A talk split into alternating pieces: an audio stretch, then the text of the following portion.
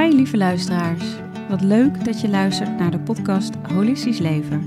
Mijn naam is Marjolein Berendsen en ik ben de founder van Zomeropleidingen. In deze podcast neem ik je samen met inspirerende experts mee in de wereld van holistisch leven.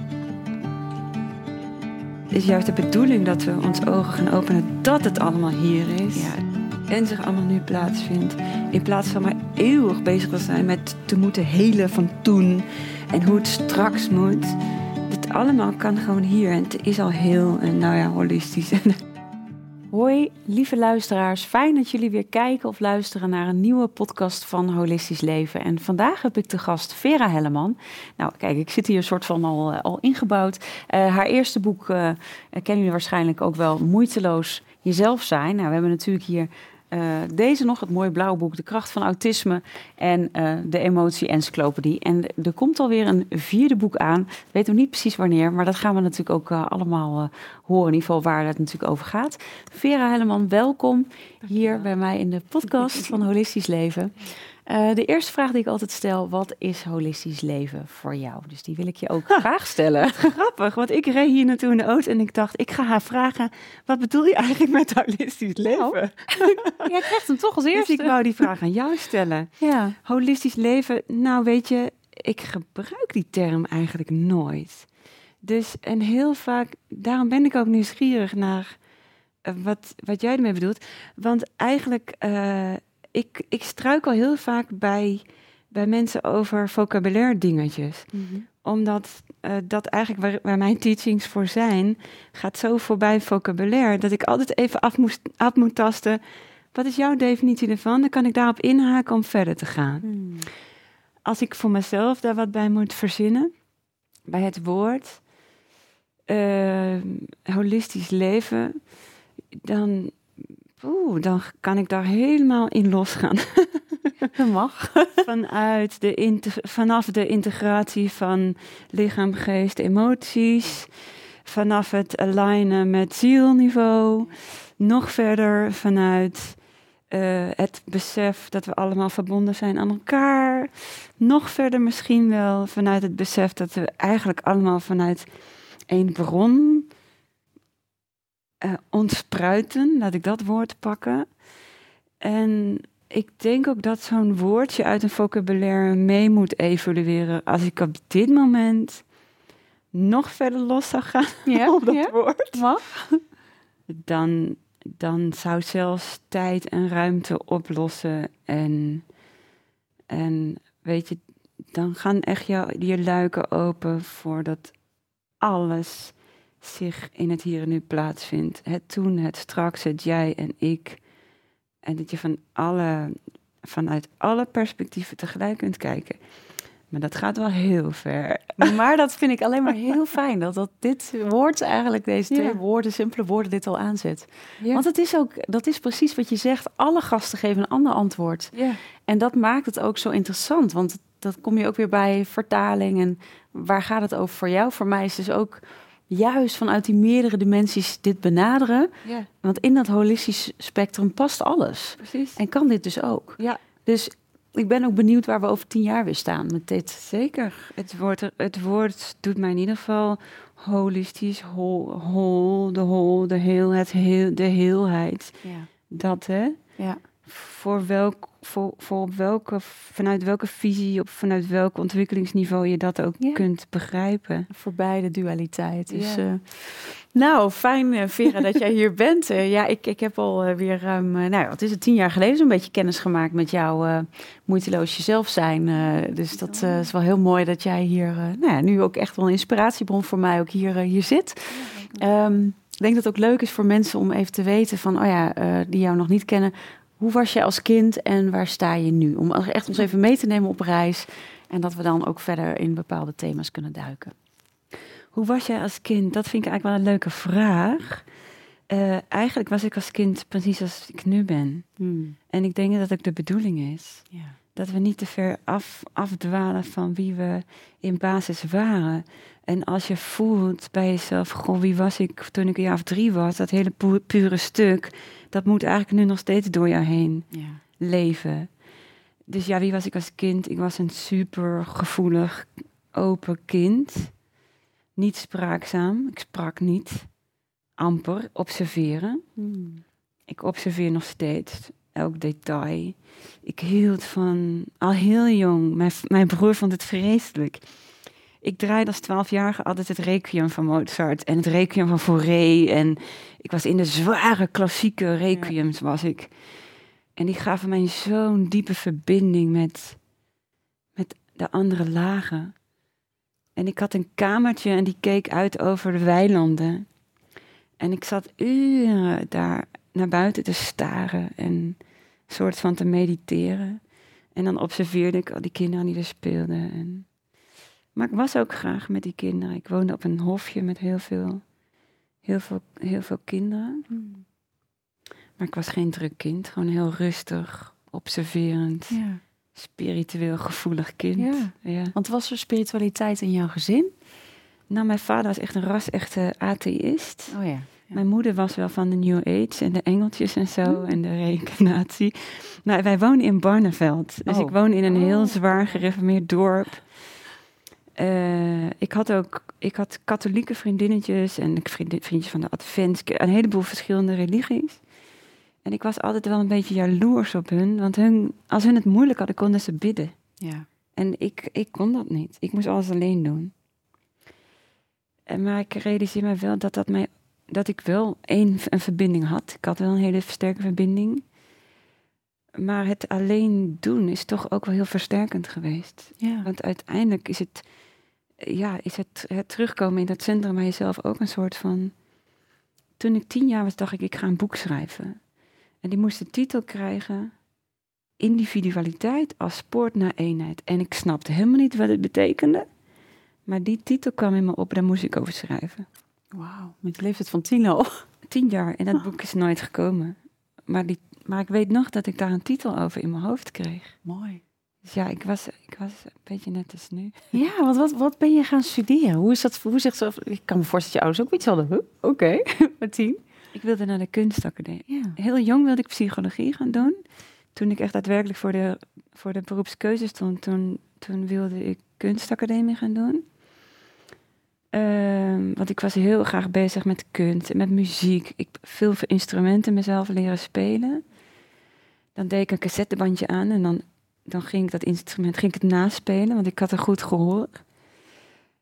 Dus ik kwam naar de kunstacademie, want mijn pianolerares wilde me naar het conservatorium, maar toen zei ze dat ik tien uur daarvoor moest oefenen per dag. Dat wou ik niet. Nee.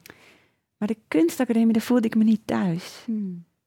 Ik vond het allemaal een beetje te extreem. Ja, ja, ja. Zeker veel je- meer Ja, ja, ja, ingetogen. precies. Wat meer observerend. En dan moet het Ja. ineens waap naar buiten. Ja. En toen? Toen zei iemand mij, kan ook, er is ook een, wat, wou je dan, wat zou je dan willen doen? Toen dacht ik fotografie en toen ben ik de fotonica gaan doen op de MTS. Dus zat ik ineens tussen de mannen. Oké, dus mijn pad was echt, ik, ja. dat had ik even niet bedacht. Zat ik tussen de mannen en dat was best wel een dingetje. Vond ik best wel spannend. Ja. Toen ontdekte ik, toen ontdekte ik de kracht van de vrouw. Ik dacht, oh wauw, dit is anders zeg. Mannen en vrouwen zijn heel anders. Het was, ik, het was misschien een beetje alsof ik, soms denk ik wel eens ik de zin of ik een alien ben die voor het eerst hier onder de mensen is of zo. Ja. Wat zijn ze raar, Ja. wat zijn ze apart en hoe werkt dat? En Ja. dus dat moest ik allemaal ontdekken. Waarom doen die, die gekke wezens wat ze doen en zeggen ze wat ze zeggen? En, ja. Werkt dit? Ja. ja. En toen? En hoe werkt het? Toen, toen ben ik een fotostudio gestart. Ik fotografeerde zwangere vrouwen en baby's. Hmm. Vooral bloot, dat vond ik mooi. Zo Ja. puur mogelijk. Ja. En er kwamen mensen van, van het hele land kwamen naar me toe. En toen op een gegeven moment, dus, toen vroeg ik dat, waarom kom je eigenlijk naar mij toe? Ja. Toen zeiden ze dat je zo goedkoop was. Oh, echt? Oh, nou, lekker. En toen dacht ik, nou ja. Pardon? Toen heb ik mijn prijs verdriedubbeld. Zo. Ik dacht, want dat vind ik niet fijn. Want dat is niet waarvoor ik wil zijn. klopt niet, nee. Toen heb ik mijn prijs verdriedubbeld. En toen kwamen ze nog steeds van over en weer, van het hele land. En toen vroeg ik, waarom komen jullie naar mij? En toen zeiden ze, omdat we je foto's zo mooi vinden. Omdat jij ons als onszelf op de foto zet. En toen dacht ik, ja. dat is wat ik wil. Hmm. En toen heb ik me om laten scholen als integratief psychotherapeut. Oh, Toen herinnerde ik me weer, oh ja, maar dat wilde ik. ik wil de psychologie Ja, gaan doen. Ja. Dat is waar ik goed in ben. Hmm. Eh, Maar ik moest zelfvertrouwen krijgen met de foto's. Ja, ja, ja, ja, dat was het. eh. En toen ben je dus die studie gaan doen? Toen ben ik een studie gaan doen en toen ben ik in het voorlaatste jaar ben ik gestopt. Want toen had ik een eenheidservaring. En toen dacht ik, wat een onzin Hoe was dat ontstaan? Hoe, je vertelt even, Ja. toen had ze even een eenheidservaring. Nou, voor heel veel mensen denken, wow, wat... eh, ja. vertel. ja, dit is een heel traject geweest eigenlijk. Mhm. Ehm, van, ja, dat moest natuurlijk ook gebeuren. Ja. Ik was natuurlijk, ik was altijd een observeerder, heel erg autodidact, heel erg geïnteresseerd in mensen, in menselijke dingen. Op die academie ontdekte ik heel erg hoe die geest werkte. Eh, toen was dat eigenlijk een beetje klaar. Ik snapte hoe die geest werkte. Hoe ben ik daartoe gekomen, toen die eenheid... ehm, ik was niet met dat pad bezig, dat kwam daarna pas. Omdat ik dacht, wat was dat? Want weet je nog waar je was toen je dat ervoer? Ja, als ik terugdenk, Ja. had ik iemand ontmoet op een beurs. Dat is toen een vriend van mij geworden. Dat was een spiritueel leraar. En door dat contact en door de feedback op al mijn berichtjes, opende dat, denk ik. Ik heb toen heel lang vegetarisch gegeten, dagelijks in de natuur gewandeld. Dat zijn denk ik de drie major Ja, dingen waardoor ik daar zo ingleed. ja. Op het laatst was het één trigger door een boek wat ik las, waarin ik de zin las. In de ander ontmoet je jezelf. ja. En toen, ja. En toen ineens loste de ander op en was er nog maar zelf. Ja. En ja, dat heeft zoveel gedaan dat ik kon die studie niet meer doen. Dat ik dacht, ja, maar dit is een radicalere Klopt weg. niet, Dus ja. therapie klopt niet meer. Daar ben ik alweer een beetje op teruggekomen. Ja, en toen ben ik daarin gaan zoeken. En inderdaad langs de Gangajis en Ja. de Adyashantis en, de, Ja. en de Ramanas gekomen. En ik kon het nooit vertellen, eigenlijk. Als ik, ik was zo enthousiast en je, waar je hoofd van over, waar je hart van overstroomt, moet je, wil Ja. je hoofd, wil je mond ook van overstromen. Maar dat kwam er allemaal stotterend uit. Totdat ik ooit een soort van ontmoeting had met, met Ramana Maharshi ja. en Papaji. En die zag ik echt als soort van wezens in mij dalen. En vanaf dat moment, ik weet nog steeds niet wat daar precies gebeurde. Een soort van integratie of zo. Metaforische integratie. Hmm. En vanaf dat moment kon ik spreken. Ja, prachtig. En is ook dit boek ontstaan, het eerste boek. Toen is dat boek ontstaan. Ja, Ja, zo heb ik jou eh, interessant pad. leren kennen. Ja. Ja. Ja, dat is echt wel bijzonder. Nou, maar ja, ik vertelde net even eh, voor de mensen thuis. eh, ik- ja, ik had dus die scheiding en daarna ehm, ja, viel ik echt in een, in een diep gat eigenlijk. En ik was bij Gangaji in Amsterdam en zij keek mij aan. En het enige wat ze zei, oké, maar wat is er nu in je hart? En dat was, bracht me gewoon zo weer terug bij liefde, bij wie ik werkelijk ben. Het was gewoon, tjoe, het was er. Het, het vuurtje was aan en het, dat kon niet meer uit. Precies. Maar toen zag ik ook in die tijd ongeveer, ik denk net iets daarna jouw boek. Toen dacht ik, oh, hoe fijn is het? Want er waren natuurlijk weinig Nederlanders die ook eh, ja, met, met, met de lijn van Papaji en eh, Ramana en, en dergelijke, ja, daar, daar toen mee bezig waren. Dus ik heb er nooit naar in jou uitgereikt, maar ik voelde die verbinding wel. Dus ik vind het wel heel mooi dat je dat zo eh, Ja. omschrijft. En, en daarna, want ja, je, je, ja, er is natuurlijk van alles nog vanuit jouw creatiekracht ontstaan. Ja.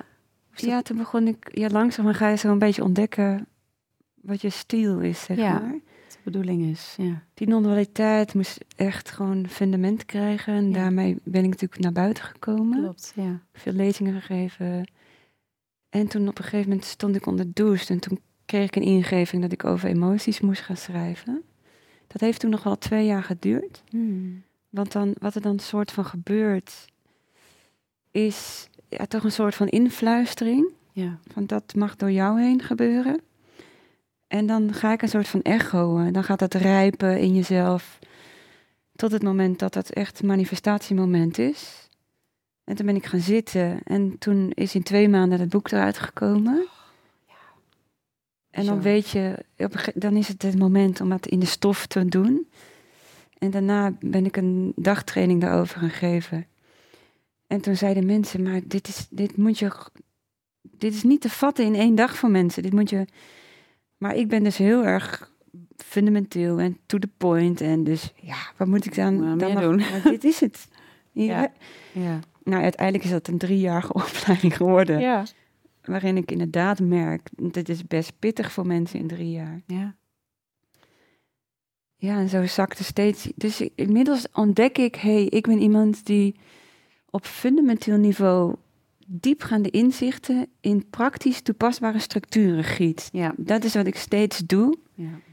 In eigenlijk in die drie boeken en nu weer ook in het vierde boek. Precies hetzelfde. Iedere keer de fundamenten. Ja. Dus wat je ziet in de psychologie, ze gaan van boven naar het gedrag kijken en dan analyseren. En ik ga van onderaf fundamenten Ja. zien en in, naar boven halen, Ja, eigenlijk. Omhoog, Ja. ja. oppervlakte halen. En, en het boek over autisme, hoe is dat verpad? eh? Nou, dat is eigenlijk gekomen nadat mijn vader overleed, die ongetwijfeld een autist moet zijn geweest. En toen, ook dat kwam per toeval eigenlijk in mijn leven. Waarin mijn man een filmpje zag van Judith Visser. En hij zei, je moet even kijken op 14 minuten. En, ik keek, en toen- sprak ze over haar jeugd. En toen dacht ik, oh, ze hebben het over mijn jeugd. En toen dacht ik, wow. Ja, en toen ben ik allemaal testjes gaan doen. Nou, daar scoorde ik 100% op. En toen ben ik me, ben ik me echt wezenloos geschrokken. Ja. Huh? Ik? Want ik dacht, oh jee, geldt wat voor mij geldt dan niet voor iedereen. Ja. En, want dat is, dit, is, dit is wat ik doe. Dit is wie ik ben. Dit is waarvoor ik ben. Ben ik toch weer die alien hier? Ja, die alien. ja, waarschijnlijk ben ik die Ja. alien hier. Die mensen een simpelere taal Ja. kan leren. Een simpelere manier kan leren. Ja, dat neig ik wel te geloven soms. Ja. Ja, en ook daarin ben ik dus die boeken gaan lezen van wat is dat eigenlijk? En toen dacht ik, ja, maar ze slaan de plank mis. Dit klopt niet. Ze missen iets. Ja. Dus dan ben ik ook weer gaan kijken, wat is het dan wel? ja echt En- ontrafelen en Ja, en ik, heen. ja, meestal lees ik zo min mogelijk andere boeken. Je wordt heel hoog gewaardeerd als je allemaal bibliografie Ja. hebt en onderzoeken. Ik hou ervan om gewoon in te pluggen. In te tunen. En geef me maar die informatie en ik structureer het en ik verwoord het, totdat wij er wat mee kunnen. Ja. Ja. En dat heb ik hiermee ook gedaan en dat is nu weer een beetje klaar. Dat is, dat is, dat is enthousiast ontvangen door de autisme community. Ja. Dus veel mensen met autisme herkennen zich daarin. Mooi. Het is een positieve visie, bekrachtigende visie. Juist, en dat is wat de wereld ook nodig eh, heeft. waarin- Want je zei ook even, hè, voordat mensen die, die hebben misschien die vraag nog, ik plug even in. Waar plug jij in? Hoe noem je dat? Ja, dat is wel interessant. Ik noem het eigenlijk liever niks. Eh, want het is eigenlijk zo, en zo werkt het ook. En dit is ook mogelijk in de toekomst voor iedereen. Dat is waar het nieuwe boek over Daar gaat. gaan we zo eh, natuurlijk in. Dit is echt mogelijk voor iedereen. Als wij gaan begrijpen eh, hoe eigenlijk die universele wetten werken.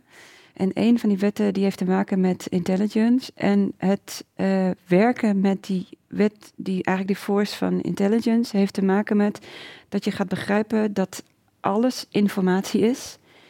En informatie is energie en die energie heeft een frequentie. Ja. Dus op het moment dat ik voel van bijvoorbeeld emoties van ja, dat is waarover ik mag gaan schrijven, daar word ik wild enthousiast van, dan ga ik zoeken met mijn aandacht van is er ergens in het veld en ja, nogmaals, ik heb daar tot een heel wijd, wijde range heb ik tot een beschikking. Ga ik zoeken waar kan ik een informatiebron vinden die mij van informatie kan voorzien op dat wat ik heel graag wil, wil ja, waar ik nu mijn enthousiasme voor voel. Dus dat is een andere informatiebron die ik voor, de, voor die verschillende boeken heb ik andere informatiebronnen aangesproken. Mhm. En dan tune je op iets anders in. Dus je Ja. gaat in het veld eigenlijk vragen. Ja, en dat anders, dat, dat, dat, dat, dat blijft niet daar. Dat wordt een soort van geïntegreerd Ja, dat hier. komt naar jou. Ja, Ja. en dat smelt samen. En dan, eh, ja, het, het, het voelt ook toch als een soort van downloaden van informatie, wat echt in fracties van seconden gaat. In enorme bubbels. En die moeten dan geïntegreerd worden. En vervolgens moet ik het structureren en in woorden vertellen. Ja. Dat is een beetje in het proces. Ja, dus eigenlijk even, hè, zoals je daar straks zei over die eenheidservaring, dat je hè, de, eh, Papaji en eh, eh, Ramana downloaden. Ja. Is, is, en dat zijn dan even mensen geweest, noem maar even. Maar ga eigenlijk die energie downloaden waar ook dit boek misschien uit geboren is. Absoluut. Zeg ik het is zo? absoluut ingefluisterd. En ja. ik denk dat het niet per se Ramana of Papa die is. Nee, die maar even maar meer waar zij symbool voor stonden. Precies, waar ze, ja, dat bedoel ik. Zo waar ze symbool Ja. voor stonden. Dus een ja. veld van informatie dat gaat over die non-dualiteit. Dat kwam toen. Ja. Ja, en zo kan ik ook in jouw veld inpluggen of in een groepsenergie. Of weet je, Ja. je kan het zo gek niet bedenken. Of je Ja, kan je gewoon hengelen en Ja, je kan... ja, je stemt je eigenlijk af. Of, ja, mooi. En je vierde boek, vertel. Want inderdaad, iedereen die zit natuurlijk hier te smullen. Oh ja, waar ben je nu in geplucht? Of welk veld heb je nu? eh, Ja, dat is, en dit is wel mijn come-out, want dit heb ik nog niet naar buiten toe zo genoemd. kijk.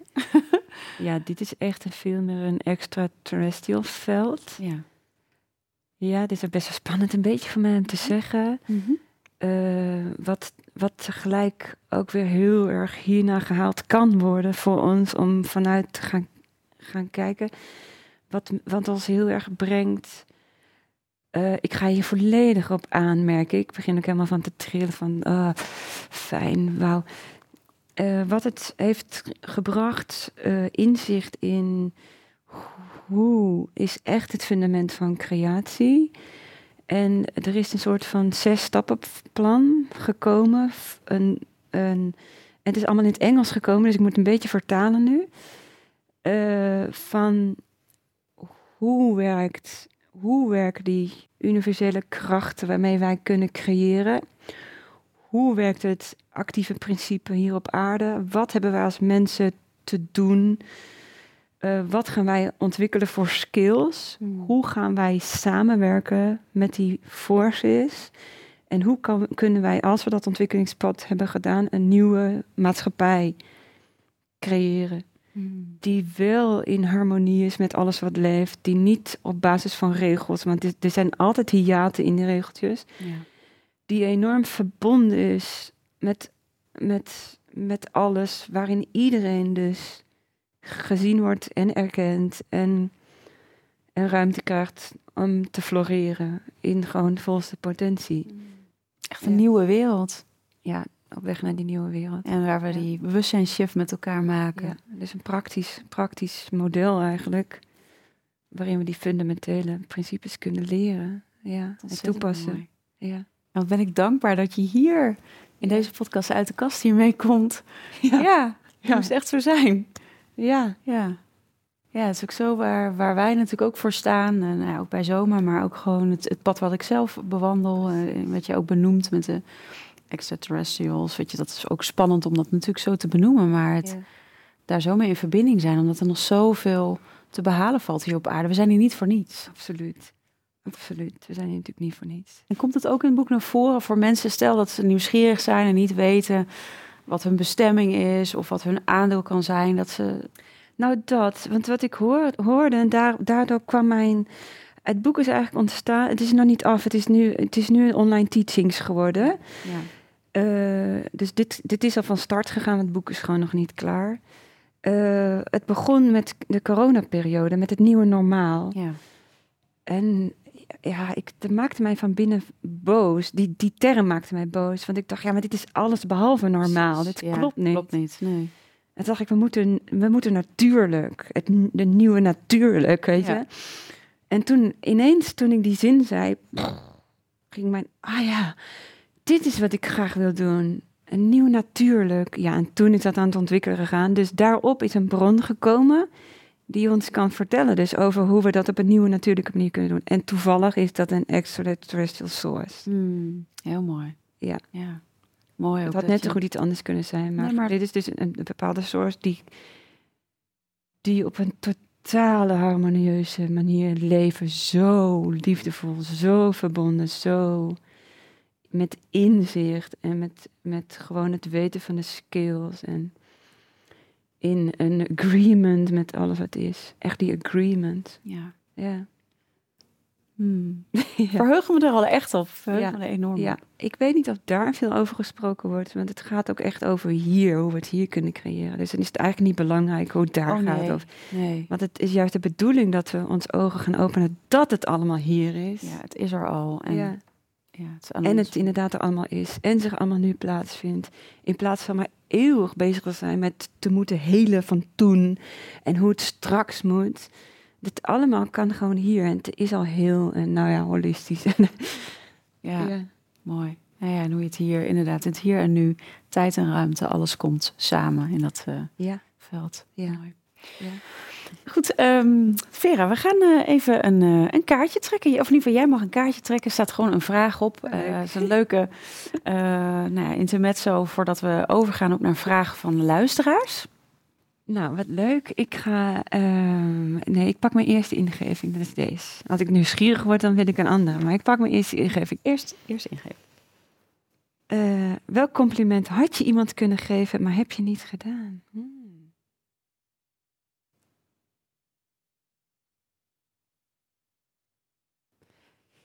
Oh jee, er komt niet echt heel specifiek iets in me op. Ik, ga, ik merk dat ik ga dwalen naar vroegere tijden waarin ik het heel spannend vond om iets te zeggen. Maar ik wel altijd heel veel moois in mensen zag ja, momenten zeg maar. ehm, dat ik bijvoorbeeld zag dat mensen het moeilijk hadden of zelfkritisch waren. Of... En zo'n moment dat ik dat dan zag en dacht, het is niet nodig. En dat ik nog niet dat durfde te zeggen. Ja. Ja. Dat ik, dat ik wel wilde zeggen, maar je bent zo mooi, waarom zie je dat niet? Ja. ja. ja. Ja, mooi. Maar misschien de energie dus wel. Ja, misschien. Ja. Misschien. Ik kan me voorstellen bij de nieuwe wereld. eh, in ieder geval, ik noem het maar even nieuwe wereld, waar het boek ook over gaat, wat alles mogelijk is. Dat taal, hè, waar we eigenlijk ook al de podcast mee begonnen, Ja, ja, is ook eigenlijk, ja, precies dat telepathisch contact en echt via het gevoel, wordt daar niet al heel veel mee gezegd. Absoluut, absoluut. Ja.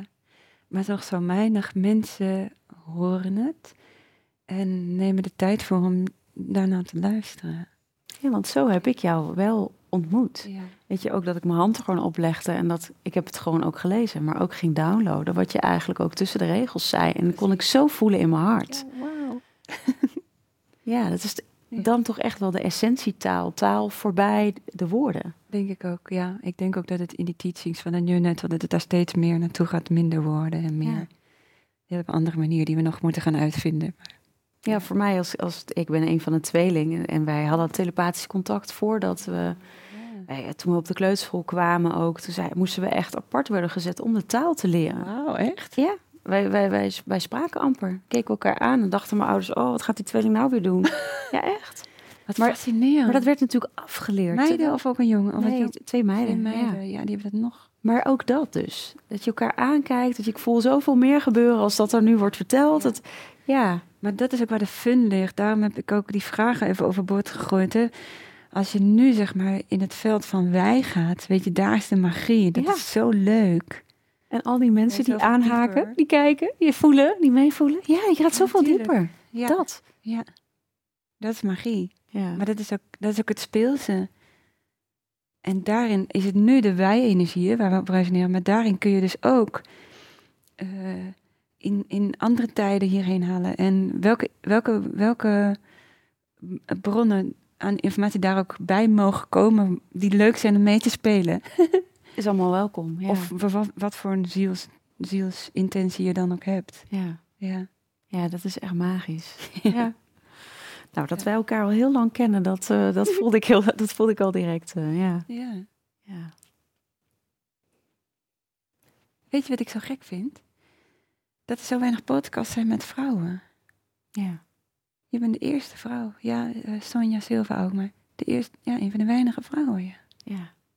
ja, wat dat is. Gek, hè? Ja. Het zijn misschien toch wel andere gesprekken. Ja. Ja, komt alweer een- op een andere laag eh, Zeker. binnen. Hmm. Ja, dat is leuk om te ervaren. Nou ja, dat Ja. ik even tussendoor Heel, heel, heel fijn om ook eh, ja. nou ja, even de ruimte dat aan dat te geven. Ja. nou ja, dat is het ook. Ik, voor mij, dit was ook een uitnodiging. Ik, ik heb nooit ik, de wens gehad om een podcast te hebben. Ik heb natuurlijk mijn, mijn opleidingsinstituut. En, maar ik voel, het, het werd gewoon aan mij gevraagd. Goh, wij gaan een podcast opnemen, Marjolein. Eh, stel ik voor voor jouw community, laten we dit doen. En ja. nou ja, zo, zo zitten we ineens hier. Het is mooi hoe dat werkt als het eh, Ja. de bedoeling is. En er komen toch wel wat luisteraars vragen. Dus ik ga even kijken of ik, eh, of ik een aantal kan, eh, ehm, kan meenemen zonder uit deze mooie verbindingen te gaan. Ehm, hmm. Ja, dat is misschien wel een mooie. Als ik heel erg emotioneel ben, dan verlies ik mezelf er volledig in. Elke keer denk ik achteraf, dat ga ik de volgende keer anders doen. Maar als de volgende keer komt, dan neemt de emotie het weer volledig over. Hoe kan ik mezelf behoeden om vanuit emotie te heftig te reageren? Ja, Luisteraars. wat een mooie vraag. Ja. Ehm, nou, weet je, als ik deze vraag hoor, dan klinkt daaruit. eh, ik ben bijna bang voor die emotie. Ik wil die emotie niet. Hoe kan ik mezelf behoeden voor emoties?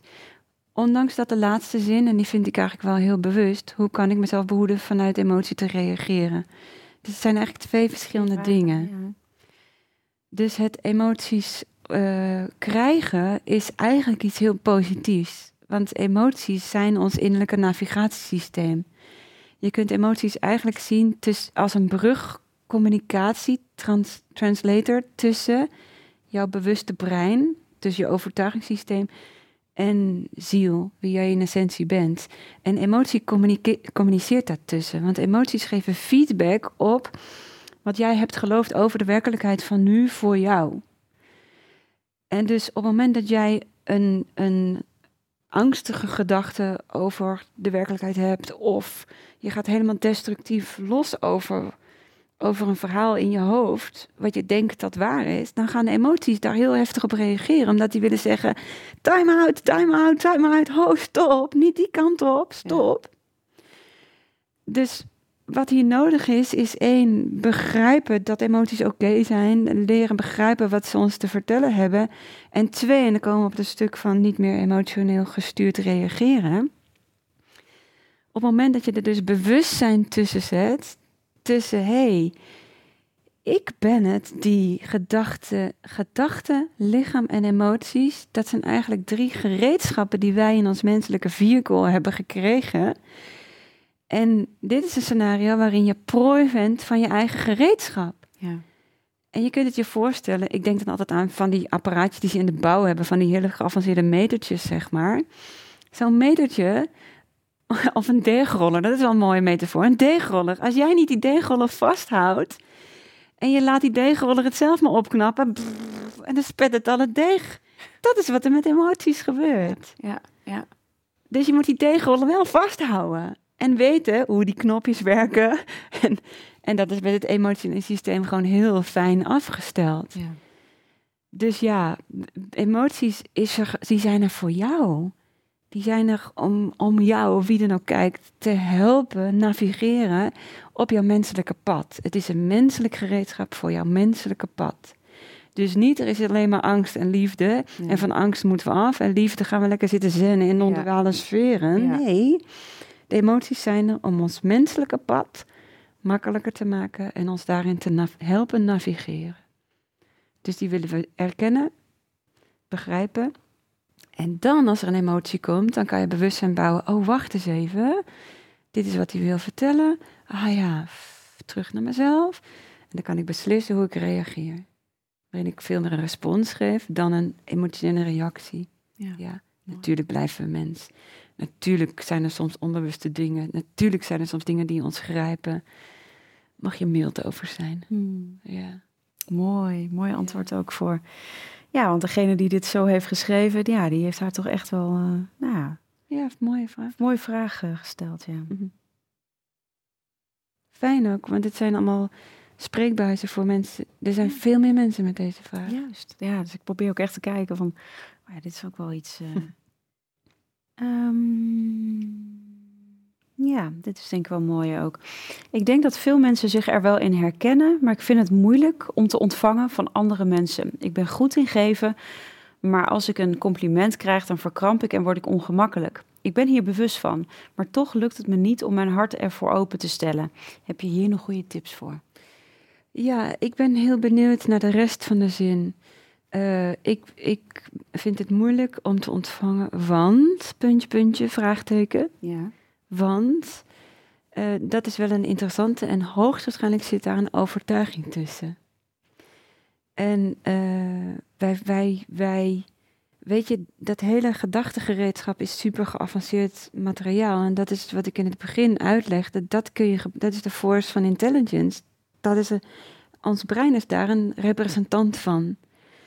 En dat is een super geavanceerd gereedschap, moet je ook weer gebruiken als onderdeel van creëren. Ja. Maar wat wij doen, met, wij, wij laten destructieve gedachten ons overheersen en ons werkelijke zijn versluieren.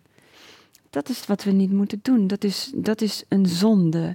Ja. Dat is zonde van ons bestaan als zonen en dochteren van het goddelijke. Hmm. Daarom is het een zonde. Ja. Dit is Ja. zonde van jouw pure potentieel.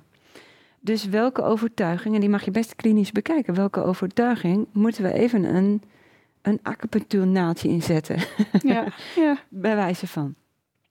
Maar die begrijp je. Maar je moet je ook niet te veel verliezen in waarom, waarom, want dan ga je weer in die verhalen mee. Hè? Ja. Dus wat de meest radicale en directe weg is om te, te, te gaan leren ontvangen, is te gaan beseffen dat er alleen maar jij is. Hmm. In die ander ontmoet je jezelf. Dus als die ander jou een compliment geeft, mag je gaan beseffen. Dus als die ander een projectie is van mij en ik heb die ander geprojecteerd, is er dus iets in mij wat dit gelooft. Ja. Want anders, of wat het nodig heeft om dit weer te herinneren, want anders kwam dit op dit moment niet in mijn script. Dus ik heb zelf dit compliment gewild. ja. Ja. Ja. Oké, laat ik dan maar het innemen en onderzoeken waarom ik dit compliment nodig heb. Dan wordt het weer een spelletje met jezelf. Ja. En dan is het makkelijker. Ja. Heerlijk, ja. Ja. Het is weer een andere laag waarop je dit Ja, kunt zien. Ja, maar, dat, is, dat vind ik zo leuk als ik met jou ook hier zo zit te praten. Zie ik je af en toe zo, hup, even zo de laag van, van het hoofd en dan even daar. En dan Ja. hup, weer naar die zijnsoriëntatie. Voor wie het kan horen. Voor, precies, voor wie het kan horen, voor wie... Voor iedereen zit er weer een antwoord in die je kan gebruiken. En ook, ook zou je dus deze podcast bewijzen van over tien jaar nog... of, of een paar jaar weer kunnen luisteren. Dan hoor je weer iets anders. Dus ja, precies. en Ja. dat is... eh, Wat grappig dat je dat hebt opgemerkt, want Ja. je- voelt hem inderdaad klikken. Dit moet ik antwoorden, ja, dit moet ik nog antwoorden. En dit moet En nog. nog. Ja. En ik zie het ook in je ogen gebeuren. En ik zie het ook in. in, in eh, ik hoor het ook zelfs in je stem. Je, je- Ja. ja. het is echt. eh, Ja, want dat is weer het, het telepathisch ja. gesprek. Want ook al kunnen ze het laatste nog niet horen, de stem doet ook wat. Ja. Ja, Ja. En dan kan dat ook weer als een steen in een vijver ja. ook weer wat doen. Het resoneert weer op een ander Ja. laagje. Ja, De stem moet mee. Ja. ja. ja, heerlijk. Ik was, zo, ik was stiekem ook een beetje aan het observeren hoe mooi dit zo werkt. Nee. En die ook nog. En die nog even zo. Kijk, hoe, hoe leuk. Ja, want dan lijkt het ogenschijnlijk even een kleine praktische pra- vraag. En wat er dus allemaal zo onder, wat voor lagen er allemaal mee te maken hebben. Ehm, mm, mm, mm. Oh, dit is misschien wel een leuke, nu we het toch hebben over die lagen. Is het dan, of is het dat emoties een bepaalde frequentie hebben, of is het eigenlijk vanuit non-dualiteit allemaal dezelfde energie? Eh, ja, dat zijn eigenlijk ook weer. Dat zijn, wat, wat ik hierin hoor is. Mensen, mensen eh, raken vaak in de war met het mixen van verschillende levels. Dit zijn eigenlijk twee verschillende levels. En eh, ja, dus het, dus het heeft ook echt een beetje onderricht nodig van de verschillende levels om ze uit elkaar te kunnen halen. Want je mag eigenlijk geen appels met peren vergelijken. Tuurlijk, uit alles, uiteindelijk is alles energie en komt het voort uit het ene. Ehm, en, en alles is energie. En energie gaat nooit verloren, maar het heeft wel verschillende vormen. Dus het neemt verschillende vormen aan in, in hoogfrequentere gebieden en in lagere frequente gebieden in fysieke werkelijkheden. Dus als we het weer over die drie gereedschappen hebben, lichaam, geest, emoties, dan hebben de gedachten andere frequentierange. Emoties hebben een andere frequentierange. Hoe zeg je dat in het Nederlands? Range? Ja, een, een, een, een Eh, gradatie, een, een, ja, nee, een, een een, een schaal. schaal, ja. Ja. ja. En ook eh, het fysieke heeft een bepaalde frequentieschaal. Het, ons fysieke lichaam tussen 100 en 500 hertz, weet je. En, en je, kunt het, je kunt het een beetje ook, ook zien als een piano. Die heeft acht octaven. En als je dan op een toetst zonder pedaal, of met die trill, Ja. dan gaan alle C's mee. Dus, dus de frequentie van het fysieke is heel laag. En dan gaat die emotie gaat hoog frequenter. En dan, weet je zo, gaat het een beetje. Dus ja, emoties hebben frequenties. En ja, ze kunnen resoneren in het fysieke en ook in het hoofd. Eh, en dat is een beetje die, die force van intelligence gaan begrijpen. Ja. Wat ook weer met, met de resonantie te maken heeft in beweging, andere force, ja. En dat het allemaal verbonden is. Dus ja, als ik het vanuit emotiecoaching bekijk, dan hebben we het verdeeld in acht emotiegroepen. En het interessante van die acht emotiegroepen is, die hebben ook allemaal een range. Ja. En dat zijn de emotieladders. Ja, En daarin zou je kunnen zeggen, hoe hoogfrequenter de emotie, hoe meer alignment met jezelf. Ja. Hoe laagfrequenter de emotie, hoe meer afscheiding van jezelf. Hoe vervelender die emotie ook voelt. Maar elke emotiegroep kan zowel laagfrequente emoties hebben als hoogfrequente emoties, waarin we dus meer in afstemming leven Ja. of meer in de afscheiding van onszelf, afhankelijk van ehm, of we bezig zijn met dingen die passen bij wie we zijn en of we ons gereed, mentale gereedschap, overtuiging ook goed afgestemd hebben op wie we werkelijk zijn. Hmm. En in deze context bedoel ik met wie we werkelijk zijn, jij als individuele, individuele ziel, met, met je blauwdruk en je intentie. Dat, gaat weer, dat zit weer tussen het wie we werkelijk zijn, op wat Ja. zij naar verwijst, het hele non-duale, het grote bewustzijn van alles. Dus zo kun je op een heleboel verschillende lagen kun je dingen bekijken. Ja. Ja. I love it. Ik hoop eh, dat het een mooi antwoord was zo voor degene die de vraag heeft gesteld. Ja, Ja. ja heel, heel, heel, heel fijn zo. eh. Ehm, nou, we gaan weer even uit de emoties. Eh, ik heb hier een vraag over autisme. Ik denk het is ook leuk, omdat natuurlijk ook een boek daarover gaat. Je bent op latere leeftijd erachter gekomen dat je autisme hebt. Wat zijn de persoonlijke eigenschappen die bij deze diagnose pasten? Nou, dat is iemand die Nieuwsgierig eh, is. Ja, eh, mijn persoonlijke eh, eigenschap bedoelt ze of al, algemeen? Ja, ik volgens mij een beetje algemeen. Er staat de. Ja, weet je, ik heb de, in de kracht van autisme heb ik echt het fundament van autisme gezocht op het niveau van denken, voelen en zijn. Heb je ook nog het fysieke lichaam, dat is eigenlijk een gevolg hiervan. Hè, dus je, op, als je de, de, de autistische constitutie bekijkt, dan, dan denken ze anders, voelen ze anders en zijn ze anders. Daar bedoel ik mee. eh, er is een hypergevoeligheid. Wat op het moment dat dat dus eh, en het natuurwetmatige denken, dat zit anders in elkaar. En het ontbreken van de ik-referentie. En dat heeft karakteristieken tot gevolg. Dat heeft gedrag tot gevolg. Ja. Maar in, in welke extremere mate het gedrag een gevolg is, en we ook in DSM-diagnoses Ja. terechtkomen, is afhankelijk van eh, in wat voor klimaat iemand met autisme is opgegroeid, in wat voor klimaat iemand met autisme nu woont en leeft, en hoe het past bij de natuur van de autist. Ja. En zo heeft ieder type mens weer een andere natuur die trouw moet zijn aan zijn eigen natuur en dus ook het liefst gezien wordt door ouders en, en een, een klimaat krijgt waarin het gedijt. Ja. Als je een autist in een klimaat zet waarin het gedijt, kan het gewoon eh, goed functioneren. En heeft het zelfs nog veel geavanceerdere gereedschappen dan de meeste neurotypische mensen. Ze zijn gevoeliger, ze denken geavanceerder. Het fysieke lichaam is alleen wat lastig. Hmm. En eh, dus het is hypersensitief en daardoor ook muzikaal, creatief, eh, maar ook erg ehm, snel overprikkeld, last van geluiden, houdt niet van felle lichten, ehm, houdt heel erg van natuur, snapt de dierentalen veel beter omdat het veel logischer is, kan weer op het denken, het, het, het, het logische, natuurlijke denken is ook heel erg het wiskundige denken, het natuurkundige denken, waar autisten natuurlijk onbekend staan. Ehm, het ook veel meer in detail denken, ook graag puzzelen, alle informatie willen. Wat weer een beetje uh, anders is als de meeste mensen die veel meer vanuit sociale regels denken. En het heel belangrijk vinden om liefgevonden te worden. En hoe, hoe moet ik me bewegen in de sociale kudde? En dat lijkt zo onnatuurlijk ja. voor een autist. Ja. Waar het veel meer gaat over, hé, hey, ik hou van praktisch, efficiënt en het goed doen. Dat is een hele andere basismotivatie dan liefgevonden willen worden. Ja. ja.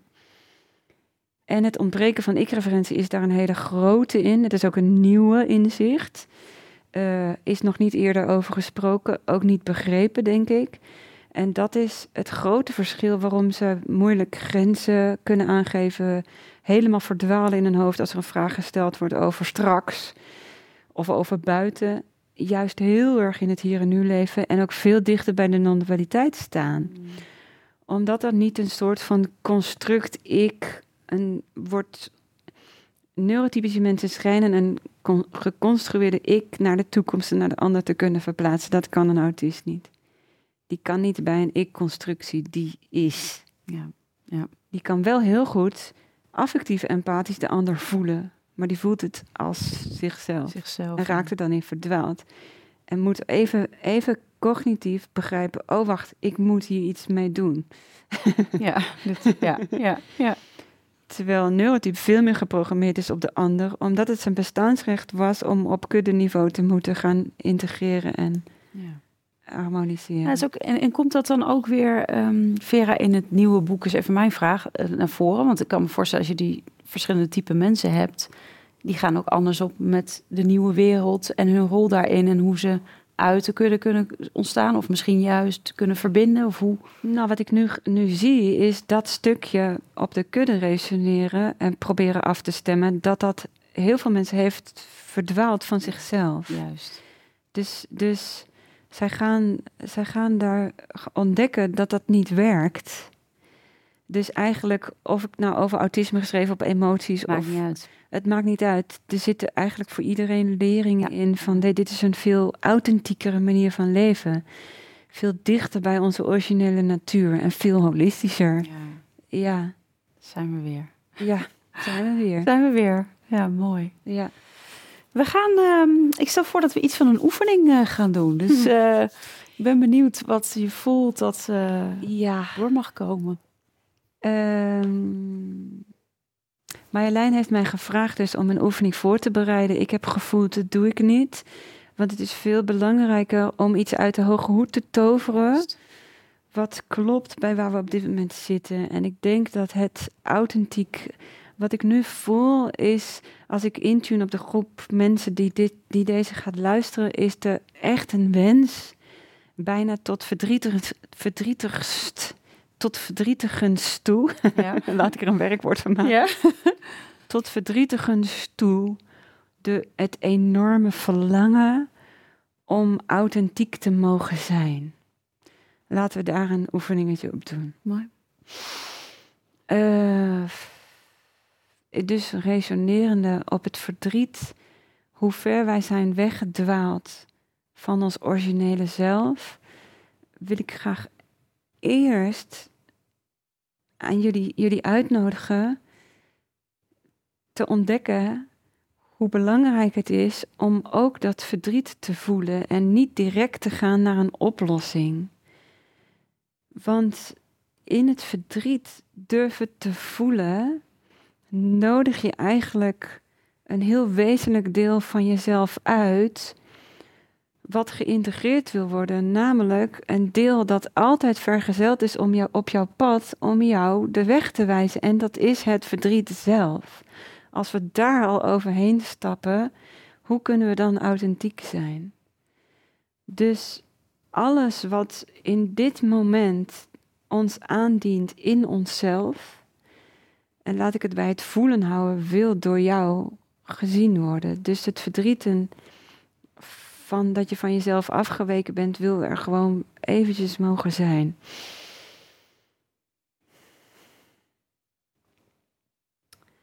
En het grappige is, nu dat er mag zijn van jou, merk je dat je eigenlijk heel snel daar doorheen zakt. Dat het verdwijnt, dat het oplost. En dat is de, eigenlijk de radicale weg waarop wij, en ik hoop dat je dit niet als trucje gaat gebruiken om van emoties af te komen, maar dit is de radicale weg uh, om, om van alle emoties af te komen. Maar ze willen wel gehoord worden. Hè? Dus als je er van af doet met een trucje, komen ze toch weer terug. Even een, dat je het weet. Side note, ook voor mensen thuis die al meededen. En ik zie mensen misschien al, mogen wel meedoen, mogen wel meedoen. Ja, lekker meedoen. Ja, lekker meedoen. We glijden er gewoon in. Hè? Dus je merkt al als je meedoet, dat, dat als die emotie er mag zijn, dat die eigenlijk verdwijnt en dat het heel stil wordt. Die stilte is eigenlijk het nulpunt van het zijn. En daar ook wel even in gerust worden. Wij zijn niet gewend om rust te nemen bij dit moment. Want we willen uit de ellende naar het fijn. En dat is een te grote stap. Je moet steeds weer terug naar het nulpunt. Dus als het verdriet er mag zijn, gaan we naar het nulpunt. En het nulpunt is een nietsigheid. En die nietsigheid wil er ook gewoon mogen zijn. En daar mogen we afwachten. Heel even afwachten.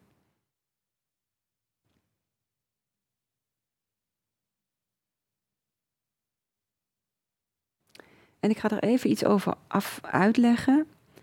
Het afwachten, hoe lang het afwachten duurt, is afhankelijk van hoeveel er nog afgeworpen mag worden in jou. Uh, dus ben je er eigenlijk al best wel klaar voor om je wezenlijke zelf naar buiten te laten komen, dan krijg je vroeg of laat een impuls om iets te gaan doen. Ga die niet tegenhouden. Ga die niet tegenhouden. Dat is net als het verhaal van, van, van God die die drenkeling een bootje gaf. En die drenkeling zei, ja, maar ik heb tot God gebeden en die hielp mij niet. Ja, hallo, je boot is daar. ja. Dus voel je een impuls die vanuit dit niets komt, ja, volg hem. Volg, volg je vreugde. Volg dat wat van je het gevoel hebt dat je graag wil doen. Volg dat wat je het gevoel hebt dat je moet doen. Volg de stromen van je het gevoel hebt dat die ergens heen leidt. Daar is nog geen hoofd bij betrokken. Als mensen echt nog moeten bijkomen uit overprikkeling of uit allerlei willen weten, moeten grijpen, dan duurt het langer. Dan moet je hier langer in verblijven. Dat gezegd hebbende, vanuit die stilte mag je dus afwachten dat er een impuls komt.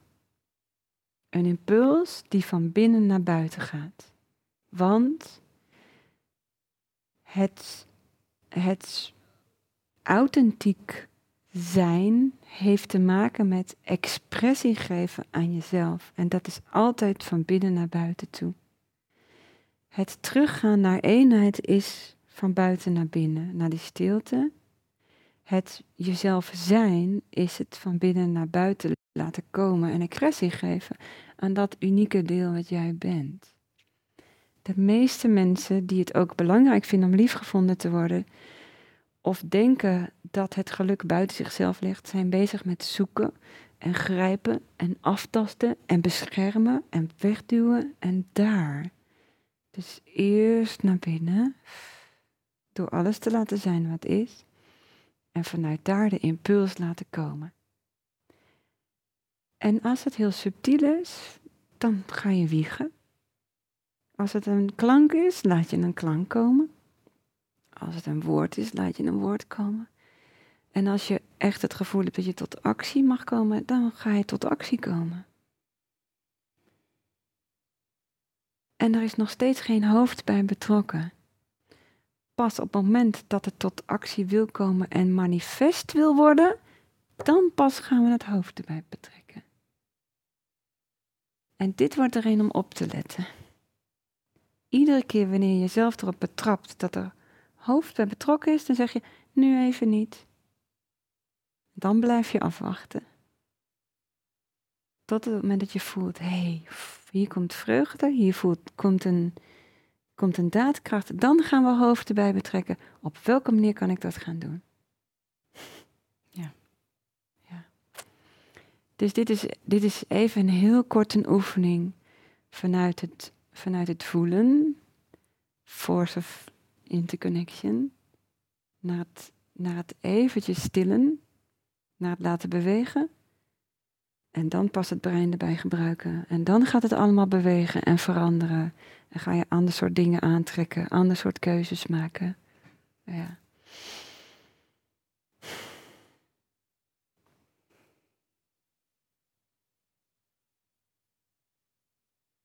Dus dit is in het gesprek ook heel leuk om voorbeeld voor te zijn. Hè? Ja, heel mooi. Gewoon nu te laten ontstaan wat er verder wil gebeuren. Want ook in contact werkt dit zo. Ja, het is ook. Een heel ander vertrekpunt. Het is een ander vertrekpunt. Dus wat doen de meeste mensen als in contact gaan? Geven een hand. Hallo, ik ben Marietje, ik ben Pietje. Wat doe jij? Wat vind jij leuk? Hoofd. Ja. En wat is het leuker dan in contact gaan met mensen, de tijd nemen om de ander te voelen, om de ander binnen te laten komen en af te wachten, wat wil er tussen ons? Ja, wat wil er gebeuren? Ja. Wat wil er tussen ons?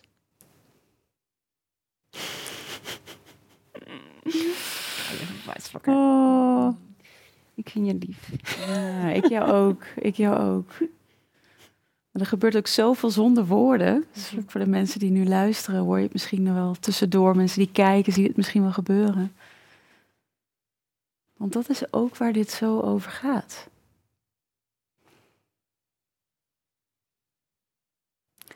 Ja, en dan is het lullige dat het een podcast is waar je geluid nodig hebt. want, ik, want ik voel dat wij nu een diepte in zouden kunnen gaan waar woorden oplossen. Ja, en dat is even een hele lekkere, helende plek. En vanuit daar gebeurt er vast wel weer wat. Maar Ja, het is voor mensen thuis ook lekker eh, nou, om dit ook even los van nu, wat we doen. Maar ook eens thuis te proberen. Loop die, doorloop die stappen. Ja. Doe het eens met je partner, eh, met een kind, of met je, met je kind, je dochter, je zoon, of op werk. is anders je verhouden. Dan ja, Gebeurt en ook wat? ieder moment dat je in de onrust, of wat voor een emotie dan ook voor kan bij komt, dat je even piekt. Oh ja, ik ga hem er laten zijn. Ja.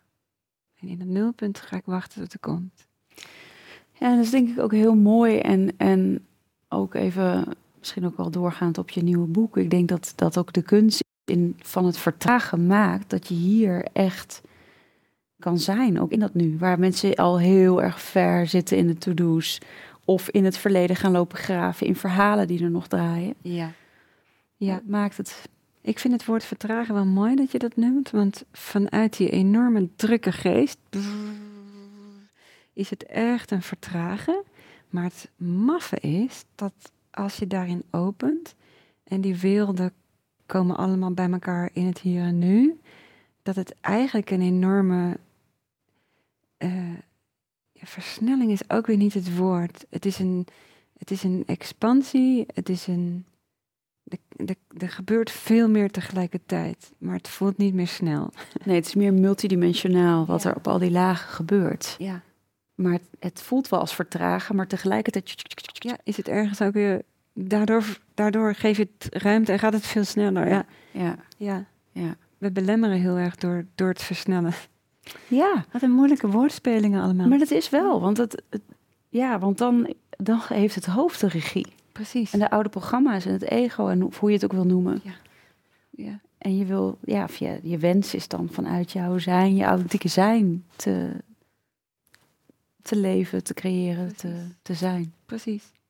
En ik hoor dan zo'n vraag ineens echo hè, van iemand die zou kunnen zeggen: Ja, maar ik weet niet wie ik ben. Hmm. En dan proberen ze eigenlijk met het hoofd, probeer je dan een ik-construct te Ja. maken. Concept van te maken. Terwijl het daar niet over gaat. Want je, je kunt niet jezelf kennen.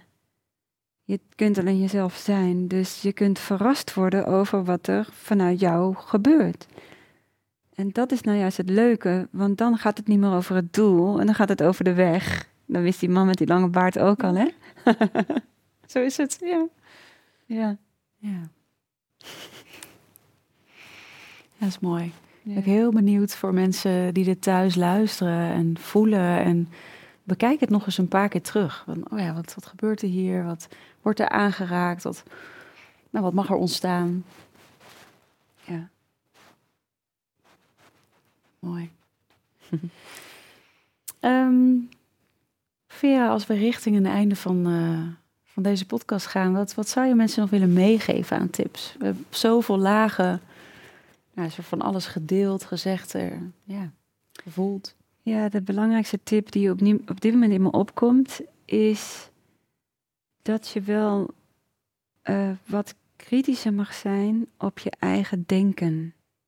Daar bedoel ik mee uh, dat wij ons denken heel erg serieus nemen. En dat het, een, dat het een andere lading mag krijgen. Dat het denken is zo vaak niet toereikend en zo vaak niet waar. Uh, dat denken die belangrijkheid mag verliezen en tegelijkertijd meer hobby mag worden en vervolgens een tool mag worden. Hmm. Dus we, we, mogen ons op een andere manier gaan verhouden tot ons denkend gereedschap. En het begint met lap je eigen regels eens aan je laars. Ja, ga eens kijken of dat wat je jezelf allemaal oplegt aan regels, of dat je die kunt afwerpen. Of dat je die kunt onderzoeken of dat die eigenlijk wel nodig zijn. En eigenlijk wel waar zijn. Ja. Eigenlijk wel zo belangrijk zijn. Of misschien wel, nou ja, niet waar zijn. Ja. Dat. Ja. Nou ja, ik kan me voorstellen ook de, de oefening die je net hebt gedaan en omschreven hebt, dat dat ook helpt om weer uh, terug bij dat nulpunt te komen, dat hoofd even te laten gaan. Ja. En tegelijk is het niet fout, hè? Hoofd is heel... Maar het moet zijn rechtmatige plek in, in gaan nemen. En jij moet aan het roer komen. Juist, net zoals je vertelde van de, de staafmixer of de, de, de, de, de, klopper of uh, ja, hoe je het ook noemt. Hè? Als hij zijn eigen leven gaat leiden, dat, laten we dat niet doen. Precies. ja. ja, jij moet sturen. Ja, sturen, emoties, lichaam en ja, gedachten. Ja, kom het natuurlijk wel. Maar er is toch geen vrije wil? Die vragen. En dat, is, dat, dat, dat zie je zo vaak, hè? De vrije wil bestaat niet. En dat vind ik altijd zo'n enorme mentale bummer die ja. erin gegooid wordt. Want ja, nee, op het niveau van hoofd en uh, onbewuste overtuigingen is nul vrije wil. Totally. Maar ben je eenmaal wakker, dan ga je zien, wow, ik sta middenin. Het, is, het draait allemaal om dit middelpunt. Wow, ik ben totally, totally in samenwerking met, hè? Ja. Ja. Ja de lead. Ik heb totally de lead, ja. Ja, maar echt ook, ja, echt die, die, die, het oog van die storm. Precies. Dat is echt die kern. Ja. En, dat, en dan kan er nog zoveel gebeuren en dan kan er nog zoveel om je heen zijn. Of, maar het is, uh, het is niet wie je bent. Ja, precies. Hmm. Hmm. Dank je wel. Deze fijne ja, ontmoeting. Ja. Mijn gevoel nog niet klaar. Nee, hè? Nee. Wat, wat, wat moet er dan nog voor jouw gevoel? Wat wil nou, nee, niet, maar meer in, in contact. Er is nog zoveel, um, nou, ik denk ook voor mensen leuk om, om te luisteren. Wat, wat wordt er nog meer gezegd uh, in al die andere lagen? Meer dat. Ja, er is zoveel te dus, vertellen. Ja. Afhankelijk ook van de vraagsteller. Ja. Ja. Ja. Ik ben ook heel benieuwd straks naar je boek. Nee, ze kunnen ze al je online al volgen. Uh, mooi uh, ook even om nog te melden dat je alles in het Engels natuurlijk doorkreeg, wat je ook al aangaf. Ja. Uh, nou ja, straks wordt hij dus ook nog wel vertaald naar het Nederlands. Het boek gaat vertaald worden. Op dit moment, de eerste teaching is wel met Nederlands ondertitels, maar dat kostte me een hele dag dat ik dacht, nou weet je, ik spreek zo rustig en duidelijk Engels, dat, dat is voor elke Nederlander gewoon te volgen. Ja, want die teachings kun je, kun je vinden op jouw, uh, jouw site. Die is ook al in het Engels vertaald, toch? Ja, het makkelijkste is uh, www.verehelleman.com tegenwoordig. dan, ja. Uh, daar staat alles ontsloten en die wordt naar de verschillende websites geleid. Dus of autisme of de New Nettle of ja, oké, dus het EEC voor de emoties. Dus wat je interessant vindt, dat is daar uh, ja. bij elkaar. Ja, mooi. Ja, ik, ik zag het al en ik zag ook al bepaalde teksten, Nederland, Engels, dat je zo door de website heen lopen. Ja, dus ik maar die nu met, een nieuwbouw, dus .com wordt een nieuwe ja. landingspage. Dus oké, okay, mooi. Dus daar mogen ze heen. En daar komen de teachings en dat is in de vorm van webinars dus? Ja, de webinars kun je ook vragen opstellen. En daar ga ik dus dat zes stappenplan, ga ik elke maand gaan we één van zes van die zes stappen gaan we doornemen. Ja. En die, als die er doorheen zijn, gaan we de verdieping in. Hmm. Dus het, het blijft een ongoing, cirkelende door al die stappen heen. Ja, zodat het steeds meer integreert. ja, en het boek komt dan op een, eh, een later moment eh, nog. eh. Ja.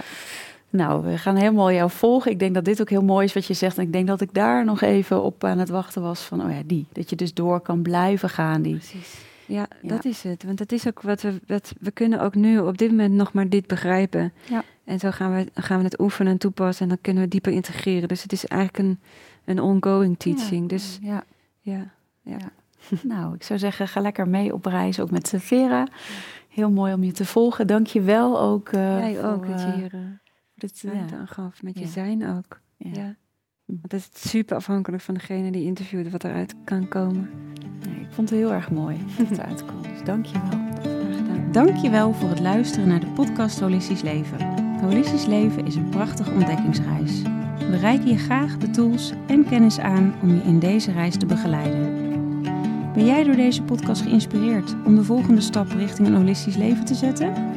Kijk dan op onze website www.zoma-opleidingen.nl voor meer informatie over de cursussen en opleidingen die we aanbieden.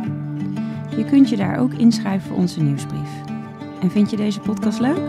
Volg ons dan via je favoriete podcast-app of abonneer je op ons YouTube-kanaal. Zo verspreiden wij samen meer licht, liefde en bewustwording. En maken we de wereld een stukje mooier. Tot volgende week!